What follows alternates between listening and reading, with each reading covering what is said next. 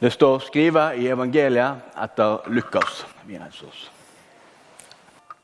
Mye folk strømde nå sammen fra alle byene rundt omkring. Da ei stor folkemengd hadde samla seg om Jesus, fortalte han dem ei likning.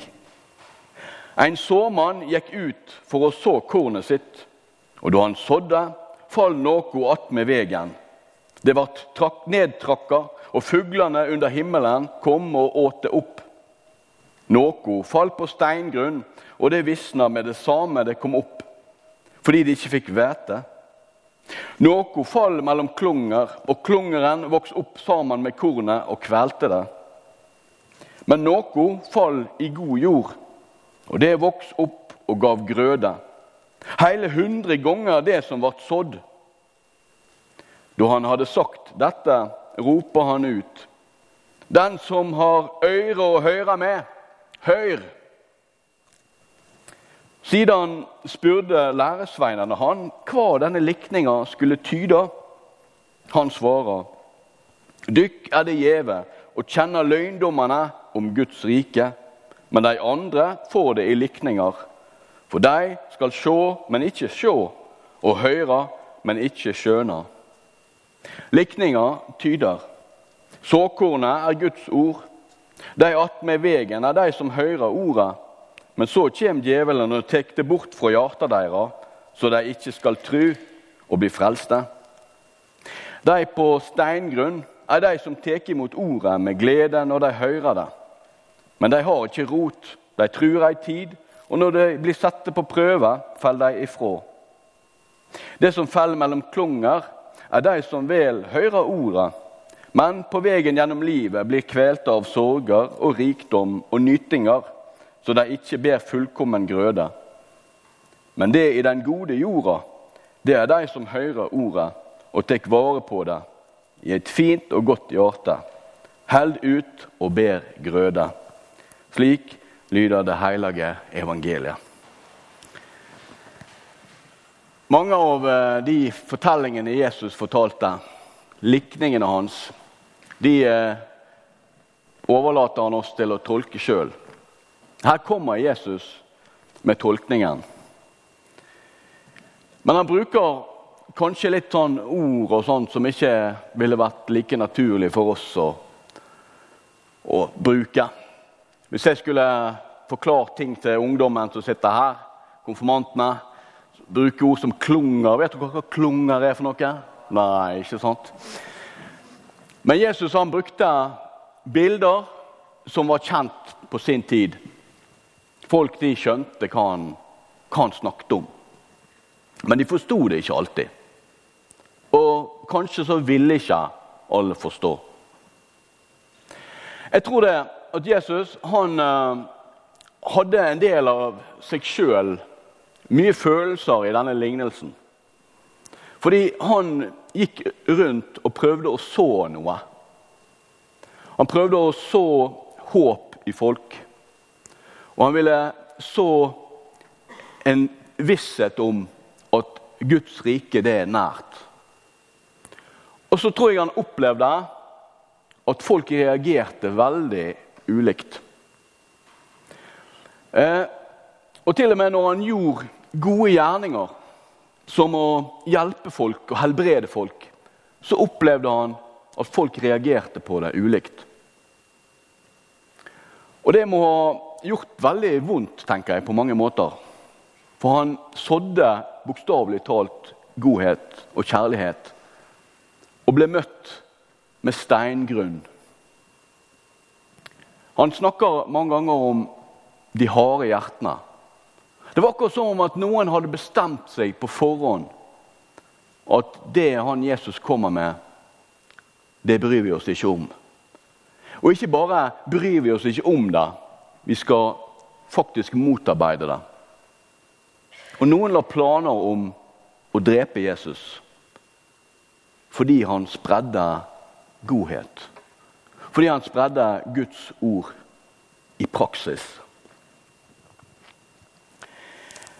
Hvem er disse folka som motarbeider Jesus? Hvem er det som er de harde hjertene? Jo, de går igjen. Det er et mønster. Det er veldig ofte de skriftlærde og fariseerne. De som er så til de grader innafor i forhold til troen, de er motstanderne til Jesus. Og Før Jesus så kom Johannes. og Han skulle forberede grunnen for Jesus. Og Han sa det at eh, hvis dere har problemer i livet, så skal dere eh, vende om og la dere døpe. Og starte på nytt. Eh, og Jesus han sa dette her om, om Johannes døperen. At folket og tollerne med lydde og ga Gud rett og lot seg døype med Johannes-dåpen. Så folket generelt, folk flest, og tollerne, de som var alle så ned på tollerne, de tok til seg penger. De jobbet for romerne, som var okkuperte de. Ingen likte tollerne, men tollerne òg, de hørte på Johannes. Og de lot seg døpe til å vende om fra den veien de gikk. Og så sier han, men fariseerne og de lovkunnige viste Guds plan fra seg og let seg ikke døype av han. Så Dette her er på en måte bakteppet som ligger der når Jesus forteller. At eh, disse her som skulle være så til de grader innafor på troen, de viste Johannes ryggen, og de viste Jesus ryggen. For det er de når Jesus reiser opp folk, så er det de som sier at dette er feil. Men hvem er det da som faktisk hører det Jesus sier, og ser det han gjør, og tar det til seg? Jo, det er folk som du ikke skulle tro skulle passe inn i hele tatt. Vi får f.eks. høre om en romersk offiser som er del av motstanden til folket. Han har okkupert landet. Han går til Jesus, for han trenger hjelp med sin syke datter. Eh, så ser vi tolleren. Vi kjenner historien om Sakkeus. Det er jo egentlig en, en fantastisk historie om denne overtolleren som var utrolig rik. Og han hadde lurt til seg å stjåle fra folk flest. Når Jesus tar inn i huset hans, så forandrer han livet. Så sier han jeg skal betale tilbake en halvparten av det jeg eier. Og har jeg stjålet noe fra noen, så skal de få igjen mer enn det jeg har tatt. Og Da sier Jesus i dag kom frelse til dette huset. Så vi har altså romerske offiserer. Vi har tollere. Så har vi andre òg. Blinde, spedalske. Vi har vanlige folk.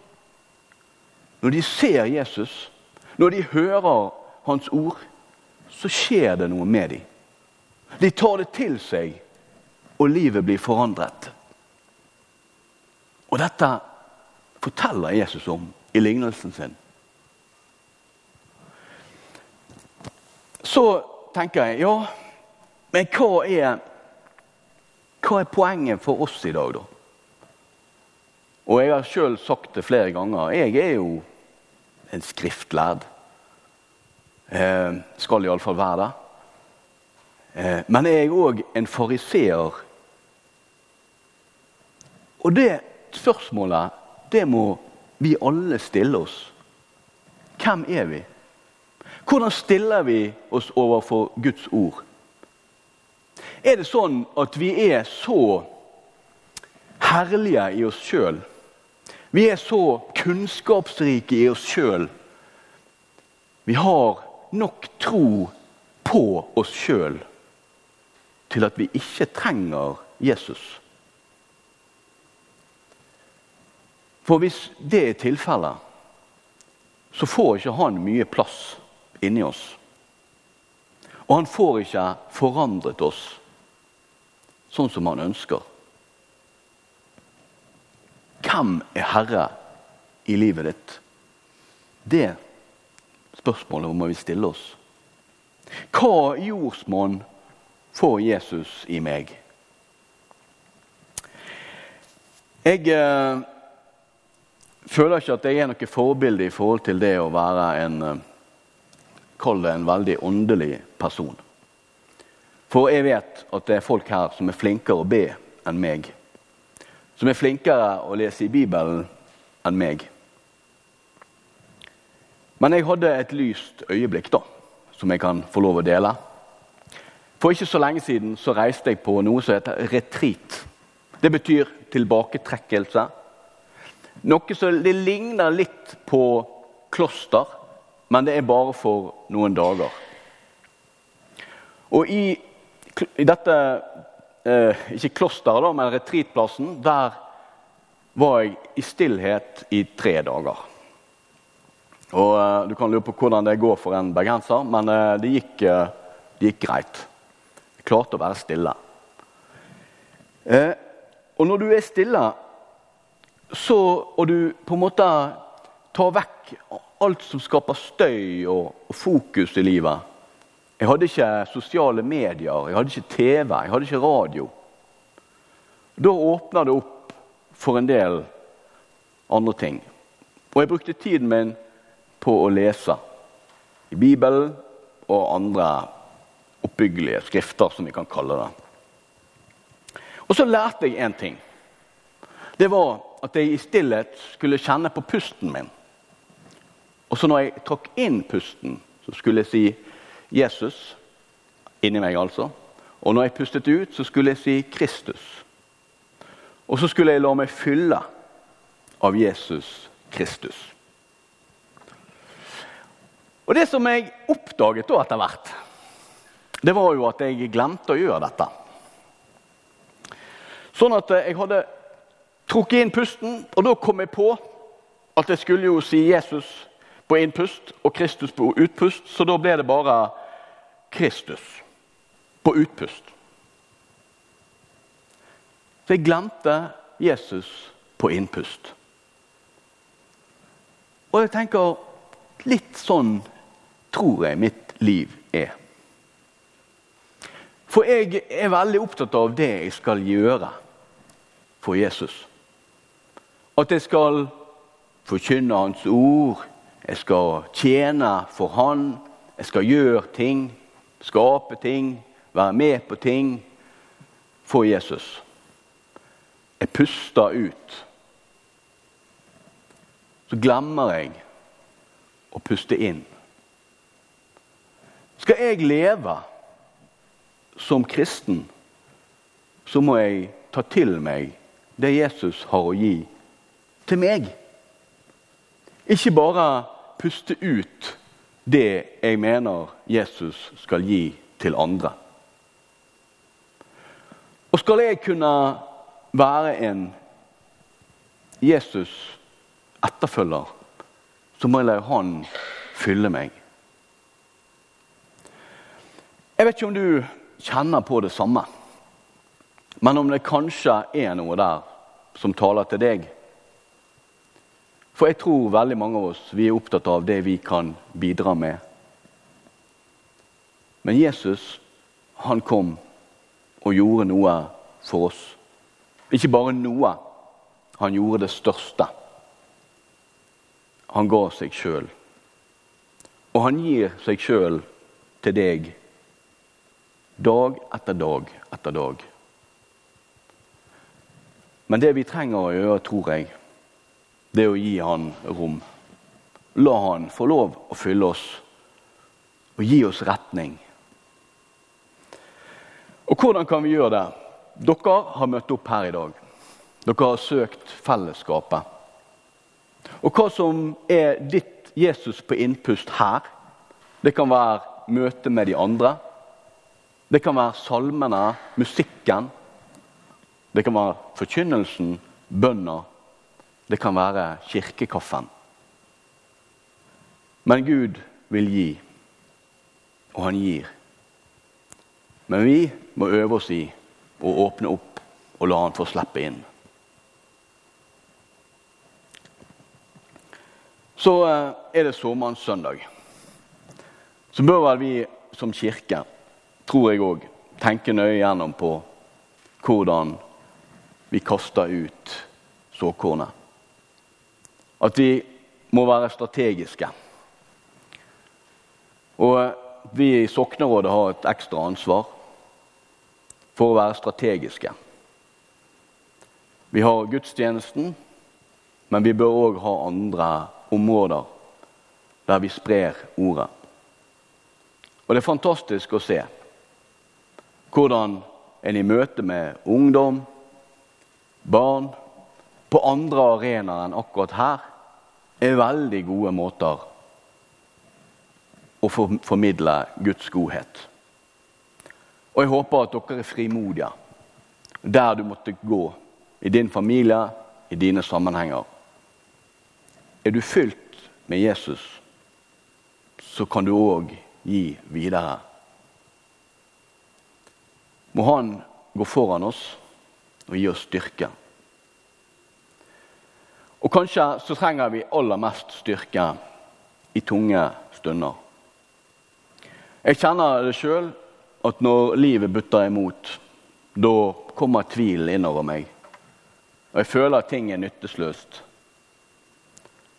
Da skal ikke jeg gi opp. Da skal jeg åpne opp enda mer. Jeg hadde en eh, veldig kjekk samtale med en nabo.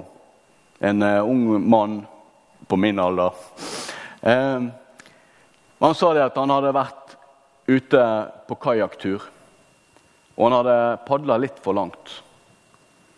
Og så snudde været, og han uh, kom seg ikke hjem før det var blitt ganske ille. Så sier han til meg da ba jeg, Erlend. Da ba jeg.